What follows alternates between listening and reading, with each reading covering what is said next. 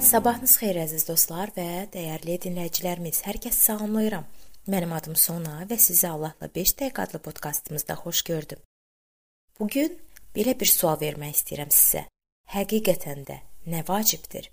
Bir müddət öncə internetdə şəkillərə baxanda belə bir yazı gördüm.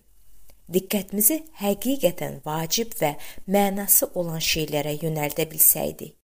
Bu ifadə məni düşünməyə vadar etdi. Əgər nəyin həqiqətən vacib olduğunu bilmiriksə, ona diqqətimizi necə yönəldə bilərik? Biz bu dünyada iblisin idarə etdiyi insanların əhatəsində yaşayırıq. Onlar əslində nəyin vacib və dəyərli olduğunu necə ayırd edə bilərlər? İblis də məhz insanlar üçün əslində nəyin önəmli olduğu məsələsində onları yoldan çıxarmaq üzərində işləyir. Bəs biz imanlılar şuurumuzda əslində nəyin dəyərli, nəyin vacib olmadığını düzgün anlamaq imkanını qoruya bilmişikmi? Allah üçün mənim necə bir maşın sürdüyüm və ya nə geyindiyim vacibdirmi? Qəlyanaltı masamda qarğıdalı və ya buğda sıyığı ya da yarma olması onun üçün önəmlidirmi? İlk baxışdan bu şeylər bizə əhəmiyyətsiz görünə bilər. Eyni zamanda Allahla münasibətlərimizə aydınlıq da gətirə bilər. Əlbəttə ki, Allaha yaxın olmaq üçün ilk növbədə onunla barışıqda olmalısan. İsa Allahın hökmlərinin məğzini iki ehkamda izah etdi. Baxın, Allahı bütün qəlbinlə sev, qonşunu da özün kimi sev. Bu Matta 22-ci fəsil 37-39-cu ayələrdə yazılıb. Allahı necə dərk edirik? Bax, əslində vacib olan budur. Allaha inamımız həqiqidirmi? İman olmadan Allahı razı salmaq qeyri-mümkündür. Yazılıb İbranilərə 11:6-da. İnsan ümumiyyətlə Allaha olan inama malikdirmi? Onun necə hərəkət etdiyini və yaşadığını müşahidə edin. Onda həqiqəti görəcəksiniz. Bu gün belə demək qəbul olunub. Allah ürəyə baxır, xarici görkəmə yox. Bu həqiqətdir. Biz insan ürəyini görə bilmirik. Lakin İsa yalançı peyğəmbərlər haqqında belə deyib: Yalançı peyğəmbərləri bəhrələrindən tanıyacaqsınız. Matta 7:20. Allahla yol gedən imanla getməlidir. Allah həyatımızı onun idarə etdiyinə inanmağımızı istəyir.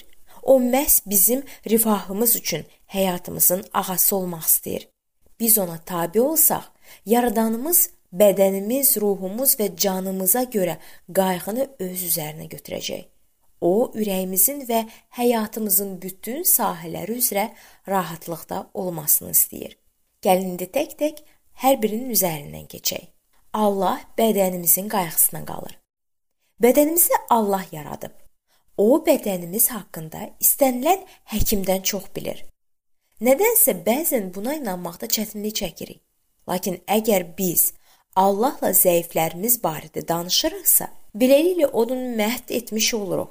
Bədənimiz bütün orqanların əlaqəli işlədiyi bir möcüzə nəticəsində yaradılıb. Harmonik işləməsini təmin etməklə qanımız və ürək-damar sistemi orqanizmimizin çox mürəkkəb hissəsini təşkil edir. Ola biləcəyindən çox az problemin olması artıq möcüzə sayıla bilər atamız və yaradanımız hətta bir çox çətinliklərlə üzləşib onun qayğısına qala bilmədiyimiz hallarda belə bədənimizi sağlam vəziyyətdə saxlaya bilər. Paulun bu barədə nə dediyini bilmək üçün 2-ci Korinflərə 11-ci fəsli oxuyun. Bizim dayaq hərəkət sistemini bütün oynaqlarla birlikdə daha bir möcüzə adlandırmaq olar.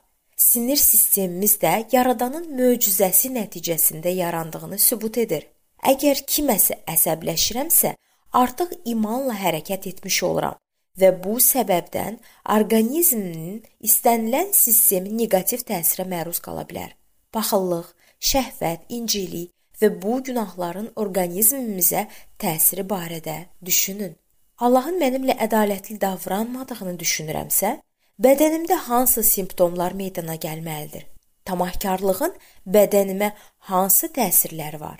İnamla hərəkət etmiriksə, bədənlə yaşamağa başlayırıq və belə olduqda Bu günahlardan hər biri bizi idarə etməyə başlayır və bu bədənimizə təsir edir. Belə hallarda vacib olan nədir? Səmavi atamız olan Allaha inanmaq. Bax, vacib və mənası olan budur. O bizim fiziki bədənimizin qayğısına hər tərəfli qalır və biz onu buna görə sədaqətlə sevirik. Allahın qayğısının digər nümunələrini biz növbəti görüşümüzdə sizinlə bərabər araşdıracağıq.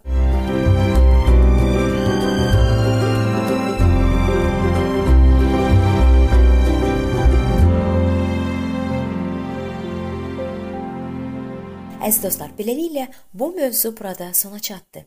Hər zaman olduğu kimi sizi dəvət edirəm ki, bizim podkastlarımızı Facebook səhifəmizdən və YouTube kanalımızdan dinləməyə davam eləyəsiniz.